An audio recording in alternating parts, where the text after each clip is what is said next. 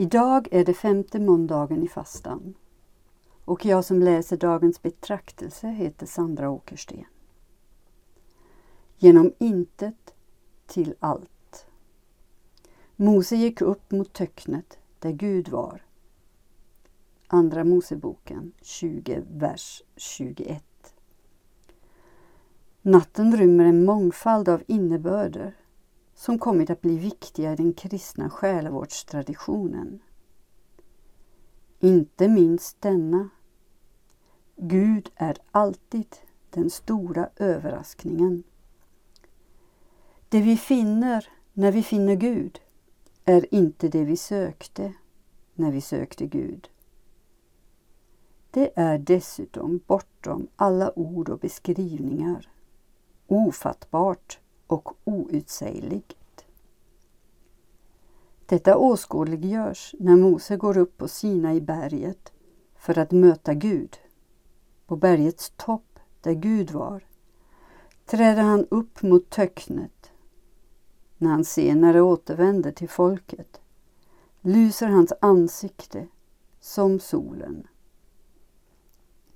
Mörkret, eller natten, är en symbol för en övergång från sken till verklighet, från yta till djup, från synligt till osynligt.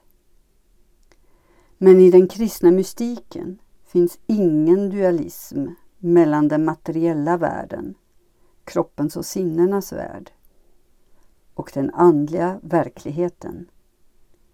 Båda världarna är goda.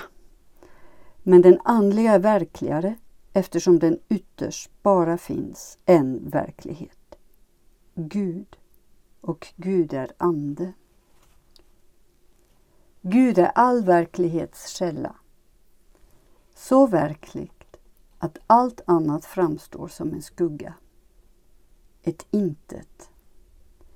Äger jag dig i himlen önskar jag ingenting på jorden, utbrister psalmisten.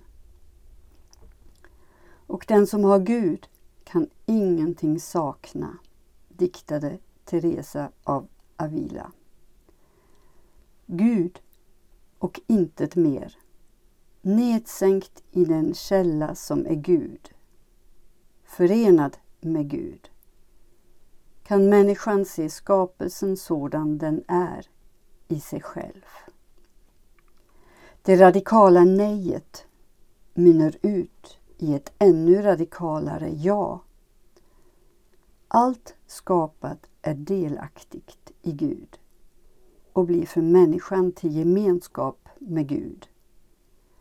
När hon inte längre låter det bli ett substitut för själva verkligheten. Den sekulära världen är inte längre sekulär eftersom det bara finns ett grundmönster. I honom är det vi lever, rör oss och är till. Vi förenas i en bön.